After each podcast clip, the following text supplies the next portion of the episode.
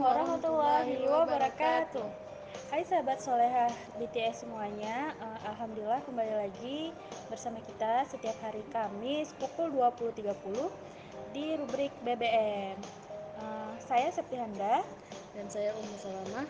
Insya Allah dalam waktu satu jam ke depan kita akan menemani waktu santai sahabat soleh semua ngobrol-ngobrol perihal masalah remaja dan apa lagi kak hmm, generasi terus berita terkini terkait dunia remaja dan dunia Islam gitu ya. Nah malam ini insya Allah kita bakalan ngebahas tema cantik itu harus benar gak sih? Nah kita bakal ngebahas tentang kecantikan nih kak. Soalnya kan perempuan ya kak identik kan dengan cantik dengan cantik ya gitu. Bahkan ada tuh kalau misalnya nggak kalau misalnya keluar rumah itu harus make up dulu gitu supaya nampak supaya nampak wah cantik gitu kan. Menurut dia sih iya gitu. supaya apa ya mungkin ya biar tampilannya tuh agak lebih fresh agak lebih indah jadi enak dipandang. Mungkin semalam begadang ketika gitu kan daripada kan, muka-muka di rumah kan muka-muka bantal misalnya begitu. Nah, kita bakal bahas masalah ini kak. Nah menurut kakak cantik itu apa sih kak sebenarnya? Cantik itu uh, jangan bilang cantik itu harus dari hati. Itu klise banget. Aduh nggak terpikir malah. Tapi kalau menurut uh, saya sih kalau cantik itu uh, enak dipandang sih. Ya, cantik kan? itu enak dipandang ya. Uh, ya ya. Nah terus kan kak kalau dibilang cantik itu enak dipandang sebenarnya cantik ini itu harus nggak sih dimiliki setiap wanita gitu kan? Uh, setiap perempuan ya gitu. Atau uh, sebenarnya dibilang cantik itu kalau emang sudut pandang kita sama hmm. orang itu udah bagus ya dia mau yeah. walaupun nggak cakep-cakep banget gitu kan tapi enak aja dipandang yeah. gitu ada kan yang begitu kan ya. Iya, karena kan cantik itu realistis kan, tergantung iya, kita mandang dia itu seperti apa. Gitu. Kadang dia cantik, tapi auranya nggak bosanin mungkin gitu ya. ya. Jadi nggak cantik gitu. Dia sama kita, mungkin sama orang lain dia cantik. Gitu. Iya. Berarti nggak bisa sih kalau kita mau definisiin cantik itu seperti apa nggak bisa kak, karena kan uh, realistis. Ya, tergantung uh, sudut pandang seseorang terhadap uh, orang yang orang yang, di, mau dibilang jadi, cantik uh, apa enggak objek itu. yang mau dipandang itu hmm. tadi gitu ya itu uh, tapi kan kak melihat fenomena yang sekarang gitu ya kan kebanyakan ya orang-orang yang yang kayak tadi saya bilang gitu keluar rumah itu pasti make up dan dan kayak gitu ketimbang dia di, di dalam rumah misalnya gitu. Karena apa ya? Karena keinginannya untuk dilihat lebih indah misalnya gitu kan. Nah itu sebenarnya boleh nggak sih? Kalau menurut saya eh, nggak boleh sih kak ya. Maksudnya kita nih uh, berdandan. Ya, ini dalam pikiran saya kalau yang dibilang makeup dandan itu pasti tebal kan? Pakai maskara pakai lipstick pakai uh, apa hidungnya di shading lah gitu kan alis ditebel-tebelin bibir uh, dimerah-merahin ya, gitu. di, apalagi bulu mata dilempeng-lempengin gitu. gitu. harus pakai bulu mata palsu nah belum lagi di situ udah uh, hukum pakai bulu mata palsunya kan gitu kita keluar rumah kasih lihat gitu muka kita terpampang nyata di jalan-jalan itu sampai yang bukan mahram kita kan ngeliat gitu. berarti kan itu masuk ke surat An-Nur ayat 31 kan kita nggak menjaga pandangan kita gitu. Kan Allah apa kak? Isi surat An-Nur 31 apa isinya? Ya Allah intinya Allah tuh apa? bilang uh, wahai uh, laki-laki dan perempuan itu disuruh untuk menjaga pandangannya memelihara kemaluannya gitu. Nah salah satunya kan eh, nggak uh, boleh tabarut itu tadi bermakeup gitu. Berarti kita nggak kalau kita keluar rumah dengan bermakeup full kayak gitu otomatis kan orang lihat kita tertarik. Karena kita uh, apa namanya mencolok uh, kita mencolok di situ di antara orang-orang yang tidak bermakeup misalnya kan orang ya, jadi tertarik gitu ketemu di rumah biasa aja terus tiba tiba-tiba ada keluar rumah gitu eh ya. kamu hari ini cantik banget kok hmm. gitu. udah, udah beda ya before afternya udah beda jadi orang kan jadi nggak terjaga pandangannya gara-gara kita tapi kan enggak kan ada hadis yang mengatakan innallaha jamilu yuhibbul jamala. Sesungguhnya Allah itu menyukai keindahan. Sesungguhnya Allah itu indah dan menyukai keindahan gitu, gitu. nah kan kita itu make up supaya indah lah dipandang gitu kan. Supaya nggak mengganggu sebagian mata tidak merusak mata ya, gitu kan. tapi nah, justru gimana? justru kadang kan eh, nggak uh, semua orang kan suka makeup kan. Ada ada pandangan orang yang kalau dia makeup uh, cantik ada yang kayak mana bilangnya ya. Kadang gini kak. Oh gini maksudnya. Ada orang yang dia emang udah cantik tanpa make up ah gitu. Ketika dia make up dia itu nggak cantik kayak gitu kan. Tapi ada orang yang dia kalau nggak make up itu biasa aja itu nggak cantik lah kita bilang biasa gitu kan. Ketika make up naik. Level kecantikannya itu naik. Jadi cantik gitu kan. Terus kayak kakak bilang tadi kan Allah tuh suka uh, keindahan. keindahan ah, gitu kan. Pertanyaannya dia tuh kan ketika ketemu dengan Allah dia dandan nggak gitu? Atau cuman pas keluar aja dia pas uh, lagi nggak beribadah misalnya nggak kalau sholat dia pakai mukenanya yang udah ada bintik-bintik hitamnya nggak nggak menjaga lah gitu. Nggak cantik nggak maksudnya cantik kalau bersih. di luar dia cantik ketemu sama makhluk manusia yang lain dia cantik tapi ketika ketemu dengan Allah sang penciptanya dia nggak secantik ketemu dengan manusia begitu Ya, itu. terus kan kan tadi kakak bilang eh, kalau menurut kakak bermake up dalam ma- kata make up di situ adalah bertabaruj itu kan menurut kakak nggak boleh gitu kan. Terus kalau misalnya sekarang ini kan kak tren make up saat ini adalah make up flawless gitu. Make up apa kak dewi ya dewi. Make up no no make up tak make up Eh, tapi no make up apa no sih makeup makeup look.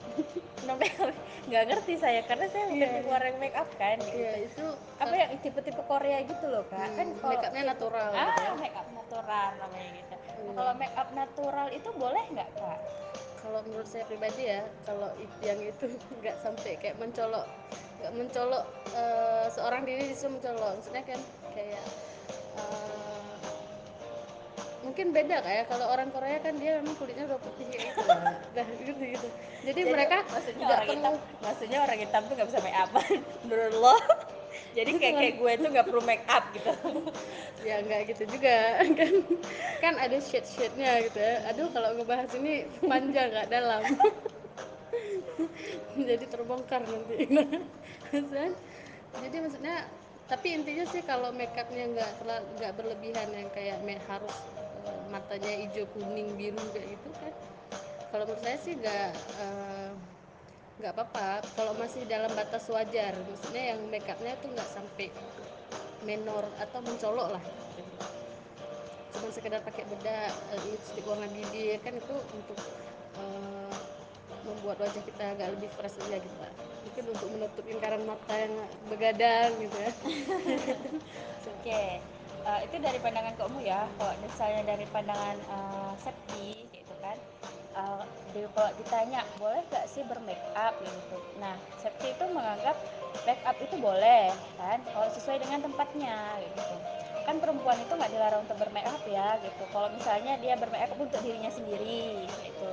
Terus untuk yang mahramnya, misalnya untuk suaminya, misalnya gitu kan. Atau dia bermake up ya cuma di depan mama bapaknya gitu. Yang mahramnya lah saya bilang kan. Ya, itu nggak masalah gitu. Walaupun dia make upnya mungkin hmm, tebal uh, uh, tebal agak agak berbeda dengan mukanya sendiri gitu kan karena mungkin dia dia iseng-iseng ya gitu kan. Ini kalau misalnya aku lebih putih dari sekarang gimana ya penampilannya? Misalnya gitu kan. Kalau misalnya al, uh, alis aku bentuknya kayak gini gimana ya penampilan muka aku? Misalnya begitu kan. Dia mau coba-coba ya mau gitu. ya coba-coba gitu. Tapi uh, saya nggak setuju kayak gitu kan. Kalau misalnya bermake up itu digunakan atau di luar rumah gitu. Karena seperti yang kamu bilang pertama kan ada ada syariat ya mengatakan bahwa seorang muslim wanita muslimah itu dilarang kan uh, apa diperintahkan untuk menundukkan pandangannya gitu. Ya kalau untuk menundukkan pandangannya kita tujuan keluar rumah itu adalah untuk menyembunyikan diri kita loh sebenarnya gitu. Tapi dengan kita bermake up menonjolkan uh, kecantikannya kita kita itu menjadi pusat perhatian orang ya kan itu nah ketika udah jadi pusat perhatiannya orang udah hilang kan tujuan untuk memuliakan wanita itu tadi itu yang wanita tadi itu harus disembunyikan. Kan relate ya kak sama uh, perkataan uh, sama hadis yang mengatakan bahwa wanita itu adalah perhiasan. Seluruhnya itu ada per, perhiasan yes. itu kan. Make up nggak make up dia tuh perhiasan. Iya iya betul. yang namanya perhiasan itu pasti dijaganya itu luar biasa kan ketat gitu kan. Makanya Allah perintahkan uh, apa menurunkan syariat tentang memakai hijab dan kerudung supaya dia terjaga gitu Nah tujuan terjaga itu kan untuk menutupi nih gitu. Nah kita udah nutupin pakai jilbab, udah pakai kerudung, udah tutup kayak gitu. Tapi dengan keluar rumah kita bermake up gitu kan, men tetap menampakkan perhiasannya kita kan gitu. Uh, apa ya? istilahnya tuh kan emas udah kita taruh di dalam kantong udah kita udah simpan di dalam dompet itu tapi kita kasih kasih ini loh kasih pengumuman sama orang-orang. Eh aku, aku bawa, emas, gitu. loh ini kan. Aku bawa emas loh gitu. dirampok iya dirampok kan akhirnya kan. Nah gitu maksudnya. Perempuan itu tuh kalau misalnya dia udah berhijab sudah berkerudung misalnya begitu kan. Keluar rumah dengan make up sama aja. Tujuannya dia terjaga tadi akhirnya nggak jadi terjaga. Karena dia sudah mengumbar sebagian auratnya itu begitu. Terus kalau ditanya kalau misalnya keluar rumah boleh nggak kalau make upnya flawless gitu kan kalau menurut saya yang dibilang make up flawless itu adalah cuman pakai bedak tipis hmm. ya kan bedak my baby kalau misalkan yang yang dia ketika ditembus angin hilang iya kan yeah. gitu yeah, yeah. bukan bukan bedak padat yang dia itu bisa nempel bahkan waterproof misalnya kayak gitu tapi kan kebanyakan kak kan yang kalau dibilang uh, flawless itu pasti dia pakai cushion baby cushion yang memang dia nanti hasil akhirnya dewy glowing gitu. Nah, nah ini. nah itu kadang-kadang kan uh, juga apa tuh tadi waterproof. Mm -hmm. pas sholat berarti kita nggak terhapus gitu kan? Iya nah. nah ini kan yang harus diperhatikan sama seorang wanita gitu. Karena sebenarnya nggak ada larangan kan untuk Allah uh, kepada kita itu dari sebenarnya Allah itu nggak melarang kita untuk berpenampilan cantik atau indah. Seperti yang saya bilang ya Allah itu menyukai keindahan. Ya walaupun nggak disuruh make up ya mbok kita juga rawat diri lah maksudnya kayak gitu. Jangan nggak ngerawat diri kan masa gitu. kucel kali iya ya. Iya pakailah skincare kayak gitu maskeran lah misalnya kayak gitu kan supaya sel-sel kulit mati ini terangkat gitu. Dan ketika sel-sel kulit matinya terangkat dia mau make up nggak make up juga udah cantik misalnya gitu terus yang tadi kayak kau mau bilang kan ada orang-orang sebagian dia aura kecantikannya itu tampak tuh bukan karena wajahnya yang cantik kayak gitu. Tapi karena perilakunya cantik sikapnya cantik kayak gitu kan. Jadi aura kecantikannya itu keluar aja. Ingat nggak sih kak? Kita tuh punya dosen yang dia tuh gak cakep dosen dosen dosen apa sih? Anorganik gitu kan. Saya nggak mau nyebutin nama bapak itu ya gitu kan. Bapak itu kan dia itu nggak cakep sebenarnya gitu. Bahkan kulitnya hitam kalau kita bilang gitu kan. Tapi kita tuh memandang dia dengar ngomongan dia ya. tuh ada aja kayak gitu kan. Eh aneh aja kan kok bilang. Kok kita bisa ngefans ya sama bapak tuh kalau diperhatikan secara konsep kecantikan yaitu konsep cakep handsome kayak gitu kan. Nggak ada kayak gitu. Tapi cakep itu ada melekat pada dirinya sendiri. Gitu. ngerti nggak? Nah gitu. Karena perilakunya itu tadi kan? Iya karena perilakunya itu tadi gitu. Jadi kan uh, ya ya kita tuh nggak perlu nggak perlu terlalu uh, excited terhadap kecantikan misalnya gitu. Bahkan sampai merubah wajah kayak gitu kan. Uh, pakai make up yang mahal kayak gitu. Uh, rela bahkan mereka tuh ngebeli. Nah, ngeluarin uang untuk make up make up yang mahal. Terus tanpa dan dan lupa ya memperhatikan komposisi komposisi make up tadi gitu. Ada yang waterproof gitu kita pakai untuk mempertahankan kecantikan kita selama 12 jam kita di luar begitu kan. Malah ada terus, 24 jam iya kan? terus akhirnya uh, wudhunya nggak masuk air wudhunya kita kayak gitu. Jadi kita berwudhu kita sholat tapi ternyata air sholat kita tuh nggak masuk karena menutupi segala pori-pori yang ada di wajah. Misalnya begitu nah jangan sampai begitu gitu. Kalau mau make up silahkan bermake up tapi yang uh, biasa-biasa aja gitu kan yang nggak berlebihan gitu kan. Terus uh, kalau misalnya mau uh, mau apa mau beli barang-barang make up juga nah itu coba dilihat komposisi komposisinya gitu yang tetap uh, tetap bisa menjalankan sholat gitu kan. Terus tidak mengeluarkan budget yang mahal untuk kecantikan aja. Gitu. tapi kalau untuk urusan perihal beli buku sirah gitu kan beli buku yang lain-lain itu nabungnya nanti nanti dulu misalnya begitu. Nah jangan sampai begitu. Jangan sampai kita itu akhirnya meluangkan waktu untuk memfokuskan diri menjadi orang yang cantik secara fisik gitu kan. Tapi tidak berusaha memfokuskan diri menjadi orang yang uh, cantik dalam perilaku sikap moral ya gitu. Batin akhlak kita, uh, akidah itu itu kita kesampingkan. Nah jangan sampai seperti itu. Karena nanti kita akan ngebahas kan kak apakah sebenarnya uh, kecantikan ini itu ada mitos-mitos yang akhirnya mempengaruhi orang? Hmm. itu merubah uh, pemikiran mereka merubah pemikiran orang yang dulu itu mungkin orang enggak mm, terlalu berpikiran tentang penampilan tapi kalau sekarang itu kan penampilan itu luar biasa terpikirkan gitu bahkan menguras waktu dan tenaga bahkan harta gitu kan. Nah kita mau bahas nanti ke situ ada apa sih sebenarnya gitu? Apakah ada mitos-mitos kecantikan yang sengaja memang dilemparkan ke kalangan remaja gitu bahkan kaula kaula umum kayak gitu kan? Melalaikan mereka. Ya benar. Nah ini nanti kita akan kita bahas ke depan. So, stay tune terus. Nah kak, tadi kan mm, kita udah ngomong ya, udah ngomong menurut pandangannya Kak Umu cantik itu gimana, menurut pandangan saya cantik itu gimana ya kan? Gitu. Eh, apa make up itu boleh bukan kita nggak ngomongin masalah pandangan kita tentang cantik atau enggak. Make up itu boleh atau enggak eh, menurut kamu menurut saya gitu kan. Nah terus eh, sebenarnya kak terkait dengan kata cantik tadi kita balik lagi ya ke tema terkait dengan kata cantik itu eh, standar cantik orang tuh kan kayaknya beda-beda ya kak gitu. Ada nggak sih eh, eh, mitos-mitos kecantikan yang sengaja gitu kan di eh, dimasukkan ke pemahaman eh, apa kaula muda saat ini? Eh, kalau kita lihat dari faktanya tentu ada gitu ya. karena kan cobalah kalau kita lihat sekarang eh, di Indonesia sendiri nih pasti eh, patokan cantiknya tuh kayak orang Korea.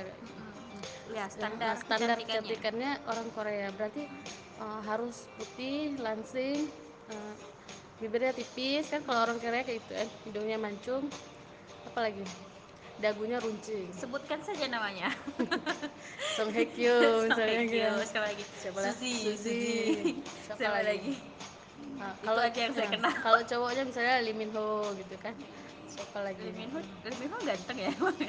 Kan eh, pengikutnya rame kak. Berarti kan apalagi udah jadi ambasador Indonesia ya. Berarti dia hmm, terkenal banget Lazada lah dia gitu di ya. Indonesia.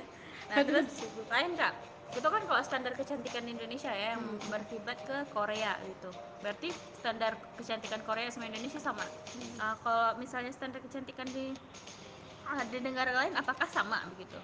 Ada juga kayak misalnya di Cina. Nah kalau orang Cina tuh menganggap kalau di pada masa dinasti Ming ya kak. Ya eh, mereka menganggap kalau cantik itu ya kakinya kecil gitu. Ba- bahkan kan ada yang rela memotong jari-jari kakinya tuh biar kecil gitu karena memang patokan standar eh, cantik itu kakinya yang kecil gitu.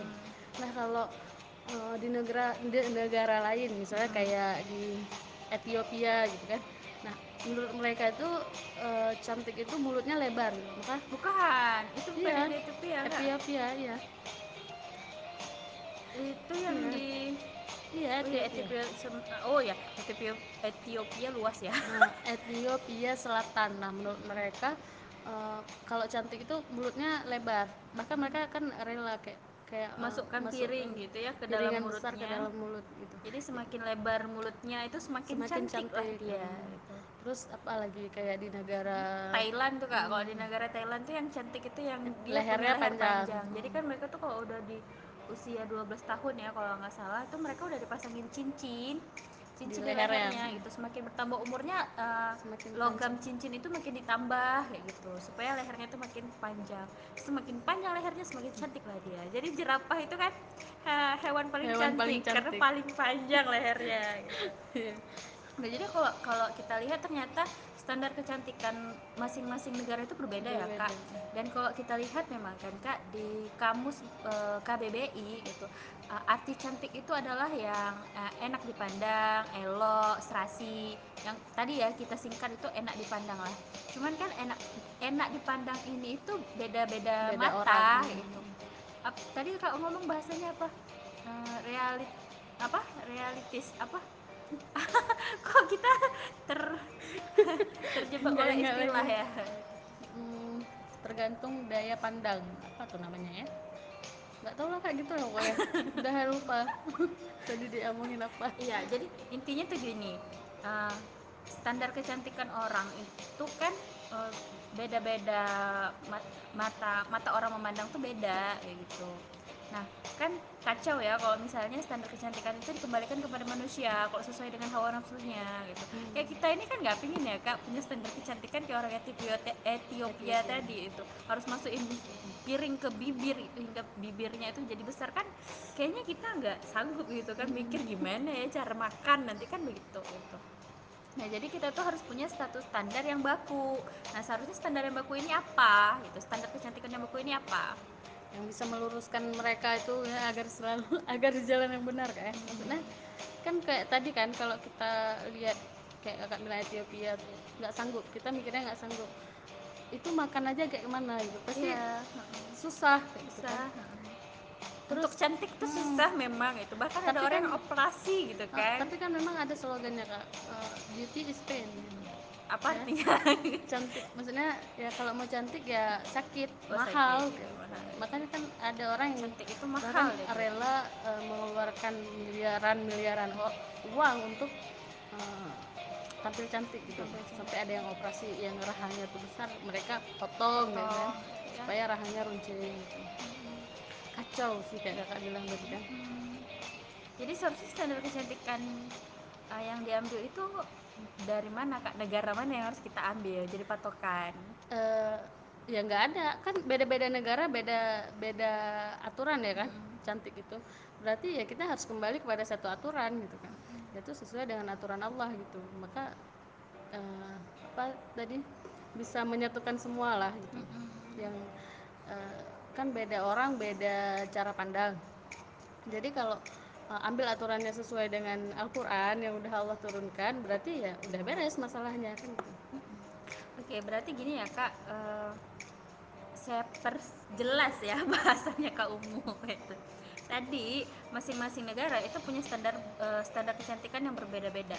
Jadi mana standar kecantikan ini itu membuat orang yaitu kan berusaha untuk berlomba-lomba untuk memenuhi ke standar kecantikan itu sendiri. Kalau misalnya dia belum cantik ya dia operasi misalnya gitu kan gitu. Kalau misalnya dia itu bibirnya belum besar ya dia harus menyiksa dirinya dengan memasangkan piring di dalam bibirnya gitu kan.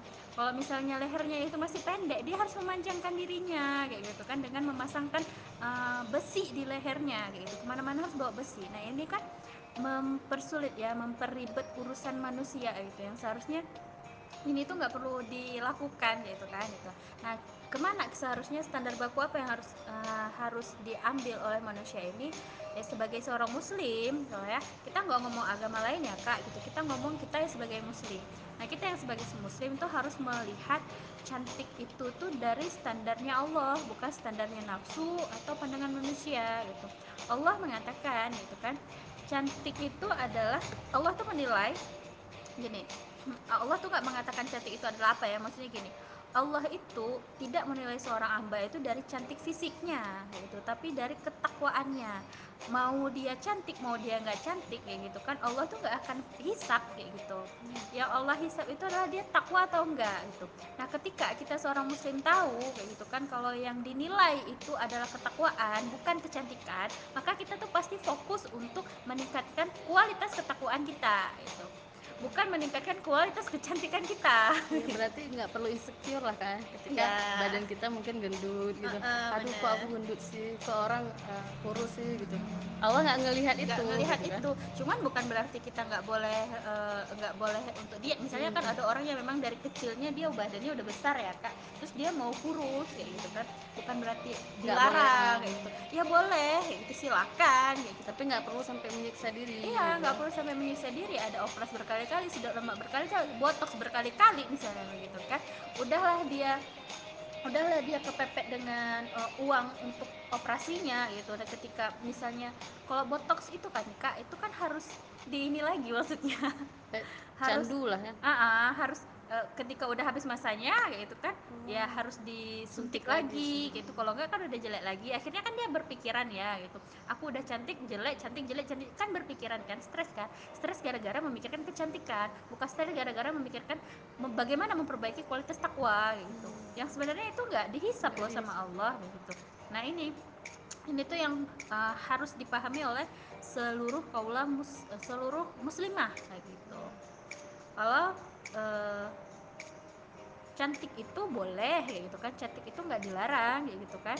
Cantik itu bonus gitu. Tapi yang harus dimiliki setiap muslim muslimah itu adalah ketakwaan gitu.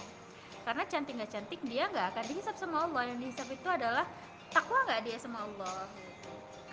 Nah kacau kan kau kalau misalnya seseorang itu nggak punya ketakwaan sama Allah gitu kan. Nah ketika dia tadi mau balik eh, mau mm, eh, dia itu punya problem masalah kecantikan gitu. Maka dia akan menghalalkan segala cara sebagaimana dia itu bisa cantik. Karena nggak punya ketakwaan sama Allah. Ya, nggak peduli ya. Barang yang dia gunakan tuh entah halal atau haram itu iya. embas semua. Nggak peduli. Misalnya make up yang dia pakai itu apakah sah untuk sholatnya? Misalnya kayak gitu kan. Terus uh, dia nggak peduli misalnya dia itu bermake up itu dia berdosa dihisap gitu kan karena bertabaruj terus mengundang um, mohon maaf gitu kan syahwat yang bukan mahramnya misalnya begitu kan mengundang perhatian yang bukan mahramnya udah dosa ya gitu kan. Terus uh, dia lupa kalau dia tuh harus menjaga kehormatannya seorang wanita karena nanti ayahnya akan diminta pertanggungjawaban gitu. Belum lagi gitu. Uh, kalau misalnya dia mencari uh, uang yang haram gara-gara tuntutan kecantikan kayak gitu kan. Iya. kan biasanya orang oh, kalau udah oplasis oplas sekali gitu kan itu Minta pasti lagi. oplas minta lagi itu sama sebenarnya orang yang bermake up tuh begitu juga. Orang yang udah bermake up dia udah berhasil tampil cantik gitu kan. Kalau make upnya habis dia stres gitu. Ini karena dia nggak mungkin iya dia nggak mungkin mau kembali nggak cantik kalau tampil di luar publik kayak gitu. Iya, iya, iya.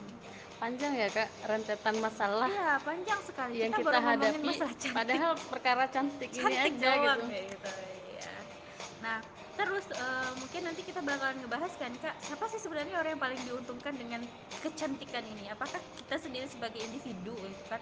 Atau ada orang lain uh, yang lebih diuntung, diuntungkan gitu? Oke, stay tune terus. nah kak uh, kita mau bahas lagi um, apa apakah ada uh, apa pengaruh konsep kecantikan gitu kan yang tadi ya yang ada dari berbeda-beda negara itu ke, uh, bagi para muslimah ada nggak sih kak pengaruhnya Em, ada, pasti ada kak. Maksudnya ya kayak mana aku mau bilang? tapi gini uh, sebenarnya siapa sih orang yang paling diuntungkan da- dari uh, konsep uh, mitos-mitos kecantikan ini Eh, apakah kita sebagai orang yang uh, sebagai individu kayak gitu kan apakah kita yang paling diuntungkan atau sebenarnya ada di luar sana itu yang lebih diuntungkan dari maraknya fenomena-fenomena cantik maraknya fenomena good looking kayak gitu kalau kita lihat kan kak, memang eh, apa namanya mitos kecantikan ini memang sengaja ya. Kita baru snuzonnya gitu ya. Oh enggak, seuzon ya kak? Nah, seuzon. Eh, memang sengaja ditebar kayak gitu di tengah-tengah. Kita nggak seuzon kita ngomong fakta Iya. Setelah kita teliti lebih jauh, kita menganalisis gitu kan. ternyata kita temui Oh, ya kak ya Kalau mitos-mitos ini tuh memang sengaja, sengaja dibiarkan ap- ditebarkan di tengah-tengah eh, kaum muslimin, terkhususnya para pemuda gitu kan. menghipnotis Mm-mm. lah ya semua Jadi- para wanita jadi kan mereka membuat apa namanya pemikiran mereka pemahaman mereka itu terpaku kepada hal itu aja. Nah, jadi mereka tuh nggak ingat dengan kewajiban-kewajiban mereka yang lainnya yang seharusnya di situlah. Misalnya kayak mana ya bilangnya waktu mereka tuh terbuang hanya untuk eh, cantik itu tadi mitos-mitos tentang kecantikan itu tadi gitu. Nah kalau tadi ditanya siapa sih gitu yang menyebarkan isu-isu ini? gitu. Siapa yang paling diuntungkan ya perusahaannya gitu para kapitalisnya gitu. Perusahaan apa? Perusahaan kecantikan ya Perusahaan ya. kecantikan, gitu. bukan bukan perusahaan minyak. Bukan, pasti gitu. perusahaan Perso- kecantikan dong gitu. yang mereka itu pasti keuntungan yang diraih eh, nggak sedikit gitu bukan ece-ece gitu ya. Bayangin aja nih kita eh, per skincarean itu aja atau per makeup itu aja gitu kan. Tiap hari itu pasti berapa tuh omset? Ya Allah nggak sanggup ngebayangin kayak mana ya maksudnya dulu tuh kan kita sempat eh, berkecimpung di dunia itu nggak saya mungkin kak ya. Iya kita ya. situ bukan saya. Karena saya tidak ya, harus sekali harus beli skincare yang model begini yang katanya pakai kayak gini yang harganya tuh wow kayak gitu kan. Ah, ngefek nggak. Kak, sebenarnya? Mungkin ngefek, kalau cuman karena kita pakai harga yang tinggi gitu ya kak ya. Cuman karena harganya terlampau tinggi jadi pas habis kita nggak sanggup menjangkaunya lagi maksudnya gitu kalau kayak kantong-kantong kita tuh Ah. mungkin harus istiqomah 10 tahun, lima tahun gitu ya. kalau Iya. misalnya istiqomahnya cuma lima bulan, setahun ya belum dapat hasil kan gitu. jadi ya kalau keuntungannya dari kita individu kayak nggak ada sih paling cuman kita dapat pujian eh kamu cantik ya gitu Iya. kamu cuman sekedar itu selebihnya ya dia rugi kayaknya ngeluarin uangnya udah capek-capek kerja gitu kan untuk cuman untuk eh, ngejar kecantikan itu tadi padahal di luar sana ada yang lebih eh, Besar lebih besar keuntungannya. itulah para kapitalis itu tadi gitu. Perusahaan kecantikan itu kak ya. Gitu.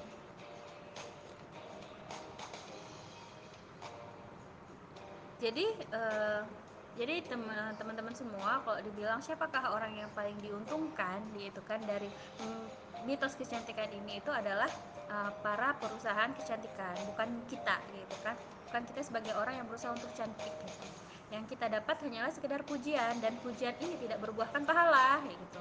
Karena apa ya?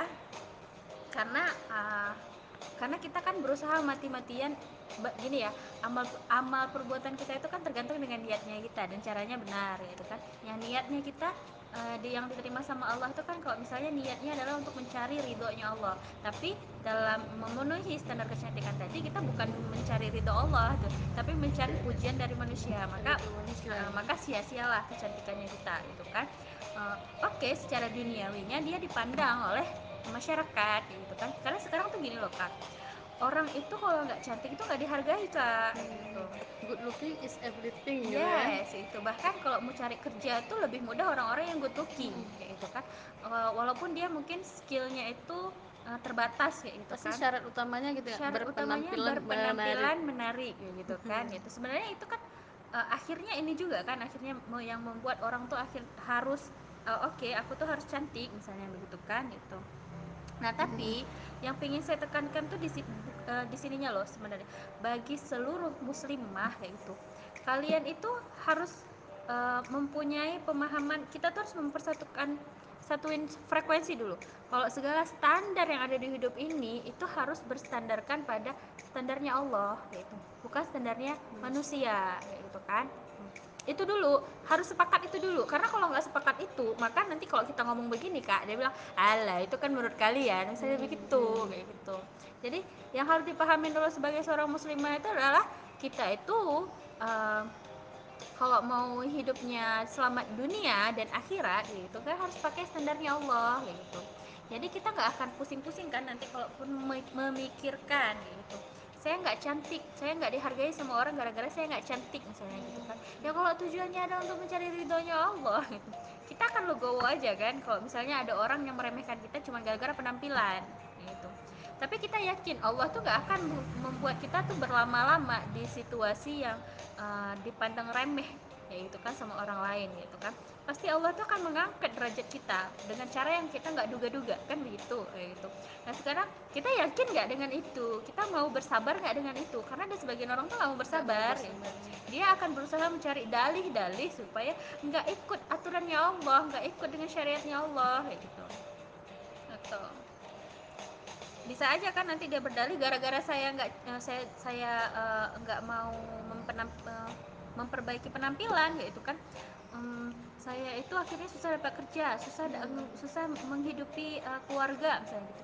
Lah Allah itu nggak ngelarang itu harus ditekankan ya kepada adik-adik mungkin yang mendengar gitu. Allah itu nggak melarang kita untuk cantik. Allah itu nggak melarang kita untuk indah.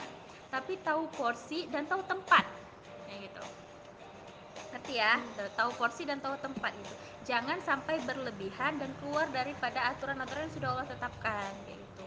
Cantik untuk yang bukan mahramnya misalnya kayak gitu kan. Cantik untuk mendapat nilai nilai uh, nilai pujian orang lain kayak gitu kan. Cantik dengan cara operasi diri misalnya gitu. Cantik dengan cara menyiksa diri gitu. Apakah uh, kita nggak mendengar gitu? Allah tuh paling nggak suka dengan orang yang menyiksa dirinya sendiri gitu baik fisik maupun batin.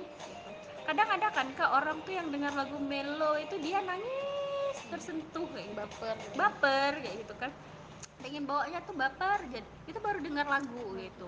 Uh, kalau misalnya nggak mau galau ya ngapain didengar lagu-lagu lagu lagu-lagu sedih misalnya gitu kan. Tapi enggak aku lagi sedih aku mau dengar lagu sedih misalnya begitu. Kan biar, itu makin menyiksa dirinya kan. Biar menambah suasana iya, kesedihan uh, gitu kan. kan itu makin menyiksa dirinya kan gitu. Nah ini ini tuh yang jangan sampai ada pandang-pandangan seperti itu uh, di uh, benaknya para muslimah gitu. Ingatlah bahwa kita itu tujuannya itu bukan untuk kehidupan dunia, tapi kehidupan untuk kehidupan akhirat, akhirat. gitu. Dan memang kan Kak, sebenarnya uh, kita juga nggak bisa menyalahkan ya kalau misalnya ada wanita-wanita di luar sana yang dia terfokus dengan kecantikan karena memang trennya itu begitu hmm. gitu saat ini tuh iklan mana sih? Iklan mana sih yang nggak menyuguhkan para good good looking saya gitu kan? Iklan mana yang nggak berusaha menggiur apa? Mm, membuat Menarik konsep yang menarik ya itu kan tentang kosmetik ya itu kan? Apalagi kalau harganya itu udah miring banget ya gitu. Jadi kan sangat menggiurkan kan? Jadi wajar sebenarnya uh, apa banyak orang tuh yang sekarang Terpengaruh. terpengaruh kayak gitu. Nah, se nah sebenarnya uh, di antara semua iklan-iklan yang sudah disuguhkan yaitu dengan harga yang miring kayak gitu kan dengan penampilan yang good looking itu kan cuman ada di media sosial. Dunia dunia maya. Dunia maya. Dunia aslinya ekspektasinya itu nggak seperti itu. Ekspektasinya ya tadi kita bilang ya kak gitu. Kalau lah uh, standar kantong-kantong kayak kita itu kan kita harus istiqomah itu sekitar 5, 5 tahun misalnya. Itu baru kelihatan hasilnya. Kan hasil dari perawatan ya kan kayak gitu kelihatan hasilnya. Enggak langsung kayak yang di iklan kan? Iklan itu sekali cuci buka bling bling bling kayak gitu. Ya gitu kan. Terus kalau dibilang harganya udah miring gitu ya gitu. Sebenarnya nggak ada yang dibilang harga miring itu kualitasnya bagus. Hmm, harga itu kualitas itu sesuai dengan harga gitu. Ya kan gitu kalau mau operasinya itu bagus ya itu ya pergi ke uh, klinik kecantikan yang memang sudah terjamin sertifikatnya kan begitu kayak gitu. Kadang ada juga yang udah terjamin sertifikatnya dokternya udah terjamin tapi operasinya gagal. Hmm. ya ya memang begitu karena emang buatan manusia itu nggak ada yang sempurna. Yang sempurna itu adalah buatannya Allah gitu buatan Allah itu memang masya Allah sempurna semuanya kan. Walaupun mungkin ada orang-orang yang cacat ya kak. Ada orang-orang yang tidak tidak bisa mendengar gitu. Tapi Allah sempurnakan dia di indera yang lainnya. Jadi nggak ada yang namanya ciptaan Allah tuh nggak sempurna. Kalau Allah udah bilang aja semoga semua ciptaannya tuh sempurna kok kita minder dengan hasil ciptaannya Allah loh? Kan kita ciptaannya Allah gitu. Berarti kita meragukan ya gitu, meragukan kita meragukan kan nggak yakin dengan uh, Allah gitu, gitu apa sih yang membuat kita minder yaitu sedangkan Allah itu udah bilang kamu itu uh, apa manusia yang sempurna ketimbang makhluk-makhluk yang lain gitu. Nah berarti yang salah itu di mana? Di persepsinya kita kan? Jadi yang diubah Pemahaman itu. kita. Ya yang diubah itu adalah persepsinya kita gitu. Terus kak ya kalau misalnya kita ngubah persepsinya kita itu tapi orang nggak ngubah persepsinya orang eh, dia terhadap kita. Kan sama aja kak maksudnya gitu kan. Nah sobat itu kan. Kita memang nggak bisa merubah uh, cara pandang orang sudut pandang orang gitu kan. kita. ya yang bisa pertama kali kita rubah itu adalah kita dulu. Kayak gitu dan bukan berarti kita juga mendiamkan orang-orang yang persepsinya salah itu untuk tetap berada di jalan yang salah gitu. Maka ada perintah dakwah kan kak gitu. Supaya apa? Nolong nih orang-orang di luar sana yang pemikirannya salah bisa jadi benar gitu. Yang persepsinya itu bengkok jadi lurus kan begitu. Nah cuman nggak mungkin kan kita itu bisa meluruskan yang salah kalau kita sendiri belum lurus gitu. Jadi coba kita dulu membenarkan persepsi kita gitu. Karena nanti kan kak ketika kita itu berusaha berusaha uh, membenarkan sudut pandang kita itu nanti akan ada golak bergolak bergolaan hati gitu. Akan ada perperangan antara diri kita sendiri yeah. ya ini dulu yang harus dilewati. Tahap ini dulu yang kita tuh harus bisa menangin diri sendiri. Kita harus menangin emosi kita sendiri egoisnya kita sendiri. Nah ketika kita udah bisa memenangkan diri kita sendiri kita itu bisa baru berhadapan dengan orang lain. Maka kan nggak ada kak yang nanti keluar statement tuh begini. Kak saya itu udah capek lah ngajak teman saya itu pakai kerudung saya ngajak teman saya itu nutup aurat. Tapi dia nggak mau. Terus dia dia malah bilang hmm, apa dulu sih sibuk, sibuk aja ngurusin orang lain misalnya gitu kan? Uh, urusin diri sendiri aja dulu deh yang uh, yang benar katanya gitu. Terus kita sedih gitu kan? Ya itu wajar itu terjadi itu. Karena apa? Ya karena kita mungkin belum bisa memenangkan diri sendiri itu tapi kalau kita udah menangin diri sendiri ya besok kan kita datang lagi ke dia. Iya habis itu kan kita nggak perlu maksudnya kayak nggak perlu sedih baru sekali pun kita iya, ngomong baru dia sekali, gitu iya. Rasulullah aja 13 tahun gitu dakwah di Mekah. Iya ditolak nah, terus ditolak ya. terus Rasul loh kita kita siapa? Hmm. baru ditolak sekali gitu. Udah baper gitu udah nggak mau dakwah lagi. Gitu. rasanya itu udah udah ini apa ya? Udahlah biarin aja lah mereka salah hmm. misalnya gitu kan. Gini loh maksudnya kita tuh memang punya punya keinginan ya ketika kita ngajak teman kita untuk kebaikan teman kita itu mau. Hmm, itu iya. kan teorinya ya. Teori. realitanya itu kan tidak semudah teori kan begitu. Maksudnya kaummu itu Rasulullah saja yang orangnya sempurna masya Allah itu kan. Makhluk ciptaan Allah yang paling sempurna gitu. Mereka Rasulullah juga ditolak. Bahkan ditolaknya itu sebanyak se, selama 13 tahun, tahun gitu nah kita yang bukan siapa-siapa ya mbok masa berharapnya ketika dakwah langsung diterima gitu. Ya kan mustahil kan gitu pasti ada kendala-kendala yang bakalan kita hadapi. Nah, sebenarnya kalau misalnya kita itu berpikiran positif, merubah persepsi kita, sudut pandang kita seperti kita memandang kecantikan tadi, gitu kan. Kita akan melihat ketika dakwah kita ditolak, ajakan kita tadi ditolak, gitu kan. Itu sebagai proses kita menjadi orang yang lebih bijak, gitu. Itu loh kan. Masya Allah ya kalau kita ngomongin soal Islam itu ya. Nah, mungkin uh, berarti intinya uh, pemahaman kita kayak ya, uh, copot pemahaman, pemahaman. yang uh, buruk itu gitu kan? Ganti, ganti dengan, dengan pemahaman, pemahaman Islam. Islam gitu. Karena pemahaman Islam ini adalah pemahaman yang uh, akan men, men, mendatangkan uh, pemahaman Islam itu sesuai fitrahnya manusia hmm. kak gitu. Memuaskan akal kita kayak gitu kan terus menenteramkan hati kita gitu yang dia bilang tentram kan kita nggak akan mikir-mikir aduh ini nanti gimana ya aduh ini nanti gimana ya gitu. Karena dia itu akan menenangkan hati gitu kan. Itu kak. Kalau ada yang nanya gini kak emang betul kak? Emang betul Islam itu kayak gitu, gitu misalnya. Coba aja gitu ya. Oke nanti kan kita bahas.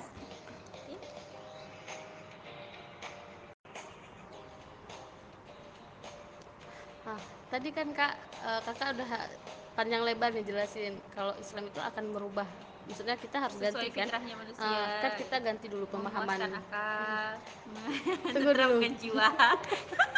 Kan kita harus ganti pemahaman kita yeah. dari pemahaman yang uh, buruk sekarang menjadi pemahaman Islam gitu. Yang katanya Islam itu akan uh, nanti akan uh, merubah kita menjadi manusia yang lebih baik gitu. Uh, dan uh, betul nggak sih bahwasanya Islam itu akan seperti itu gitu? Akan seperti yang kakak bilang itu tadi gitu nah, buktinya mana? Gitu kan. Pasti ada orang yang bertanya kayak gitu, gitu. Oh, pasti ada ya orang yang bertanya begitu ya? Iya hmm. gitu. Kalau ditanya gitu kan apakah benar Islam itu bisa mendatangkan uh, apa tadi cahaya lah kita bilang ya bahasanya itu seperti yang kita bicarakan tadi gitu kan itu Nah sebenarnya segala sesuatu yang berasal dari Islam gitu kan, baik tampak maupun tidak tampak itu bisa dibuktikan dengan akal. nah masalahnya kalau ada orang-orang yang bertanya kayak gitu, benar nggak sih Islam itu bisa mm, menenteramkan, mensejahterakan? kayak gitu kan gitu. Nah itu patut dipertanyakan apakah dia menggunakan akalnya sesuai dengan fungsi penciptaan akal itu sendiri? Gitu. Dikembalikan lagi ke yang ya, bertanya gitu, gitu. ya. Karena kalau mau kita bahas satu-satu masalah kecantikan ini saja gitu kan. Allah itu udah kasih standar yang baku nih. Allah gitu kan tidak melihat suatu hambanya dari sudut pandang cantik atau tidak cantik gitu. tapi Allah melihat menilai manusianya itu dari uh, dari ketakwaan mereka ya kan? Nah sekarang yang mempersulit manusia itu kan ada manusianya sendiri gitu kan? Dia nggak cantik tapi mempercantik diri gitu. Supaya dipandang sama orang gitu kan? Padahal dipandang sama orang ya dia memang dapat pandangan itu di dunia dia dapat gitu kan. Tapi di akhiratnya kan sia-sia. Nah yang buat rugi itu siapa? Dia, dia sendiri. kan gitu. Allah itu memerintahkan muslimah itu untuk menutup auratnya gitu. Karena dia adalah perhiasan. Jagalah sebaik-baiknya kehormatan wanita gitu kan. Udah Allah jaga dengan baik dengan menurunkan syariat gitu kan. Nah sekarang ketika ada pelecehan kayak gitu yang terjadi kepada perempuan gitu baik muda maupun sudah lanjut usia kayak gitu kan orang usia juga ada loh kayak dilecehkan gitu. Nah itu siapa penyebabnya siapa? Apakah penyebabnya itu yang penyebabnya itu datang dari syariatnya Allah atau karena manusia yang melanggar syariatnya Allah? Manusia yang melanggar karena manusianya itu. kan hmm. kayak gitu. Terus apa lagi misalnya? Hmm, uh, apa? uh, saat ini itu kalau untuk remaja ya kak itu kalau remaja contoh yang lain apa kak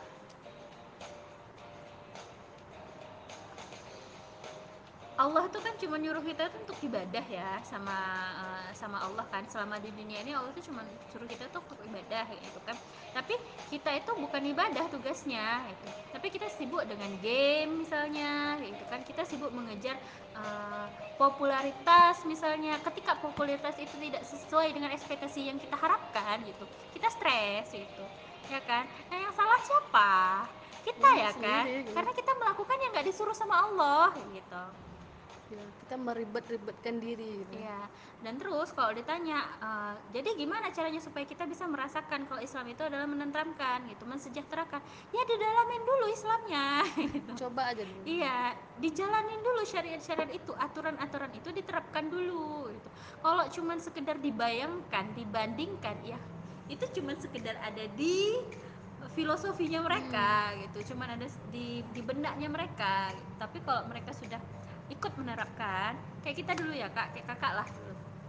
Dulu kan kita nggak pakai kerudung keluar eh nggak bukan nggak pakai kerudung. Kita pakai kerudung tipis tipis banget ya gitu ya yang rambut kita juga masih kelihatan gitu kan. Kalau dulu kita bilangnya itu jilbab. ya terus kita masih berpakaian putusan gitu. Kalau sekarang kan kita keluar rumah itu harus pakai mihna terus gamis lagi terus himar yang panjang gitu kan terus belum lagi dengan aksesoris yang lain. Aksesoris yang lain itu bukan gelang bukan cincin tapi handsock ciput kaos kaki ya gitu kan ya gitu. Kan kalau kita bandingkan dengan before dan after kayaknya before itu lebih simple ya kayak gitu. Tapi nyaman nggak sekarang kalau misalnya pakai yang dulu? Ya enggak. enggak kan gitu. Karena nyamannya sekarang. gitu ya nyamannya sekarang kan kayak gitu. Sebenarnya kalau dibilang lebih eh, lebih panas nggak kalau misalnya sekarang ini kita pakai yang begini Ya panas. panas ya kan gitu tapi kenapa akhirnya tetap memilih menutup aurat dengan secara syar'i Ya karena udah paham kan. Ya, itulah yang dikatakan nikmat. Kita itu akan terasa nikmat ibadahnya kayak gitu kan kalau emang sudah mendalami Islam itu gitu. Tapi kalau kita belum me- mendalami Islam, jadi kayak gini Kak, kan eh, di sebuah hadis tuh dikatakan gini eh, kita itu akan merasakan nikmatnya ibadah ketika kita itu mencintai Allah kita itu mencintai Rasul lebih gitu kan kita hanya mencintai Allah dan mencintai Rasul itu lebih daripada mencintai diri sendiri keluarga anak istri harta gitu.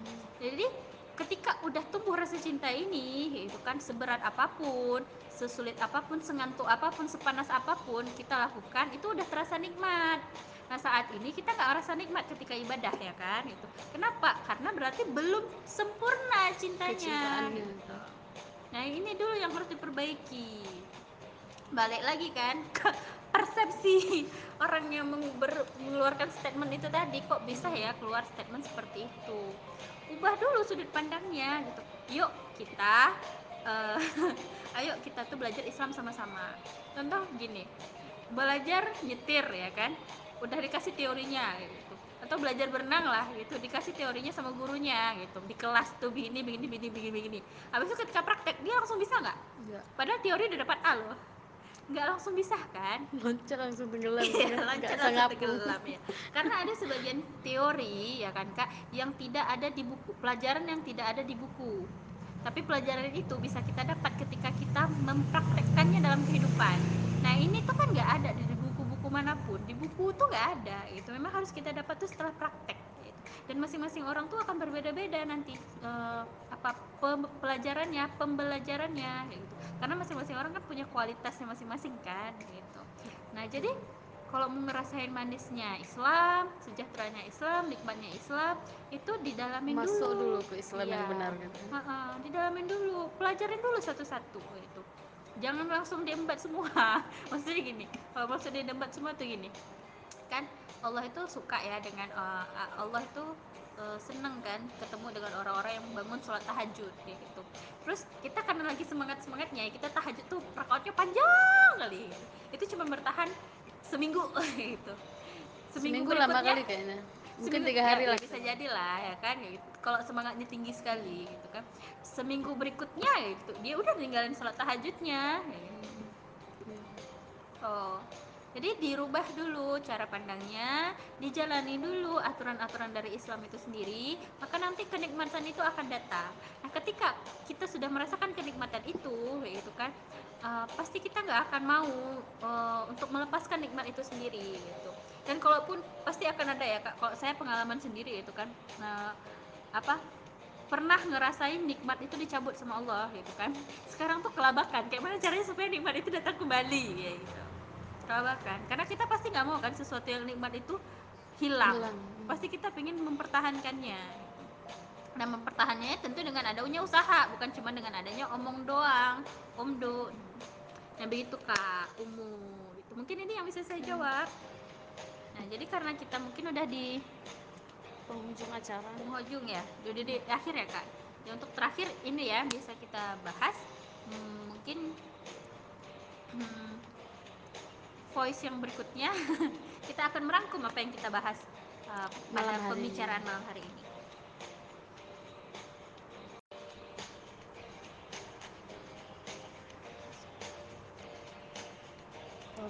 jadi kak kan yang bisa kita simpulin nih dari uh, pembicaraan kita malam hari ini uh, bahwa cantik itu sebenarnya relatif itu tergantung uh, daya pandang seseorang tergantung Sudut pandang sudut pandang orang. uh, orang itu dalam memandang subjek itu tadi Iya. gitu.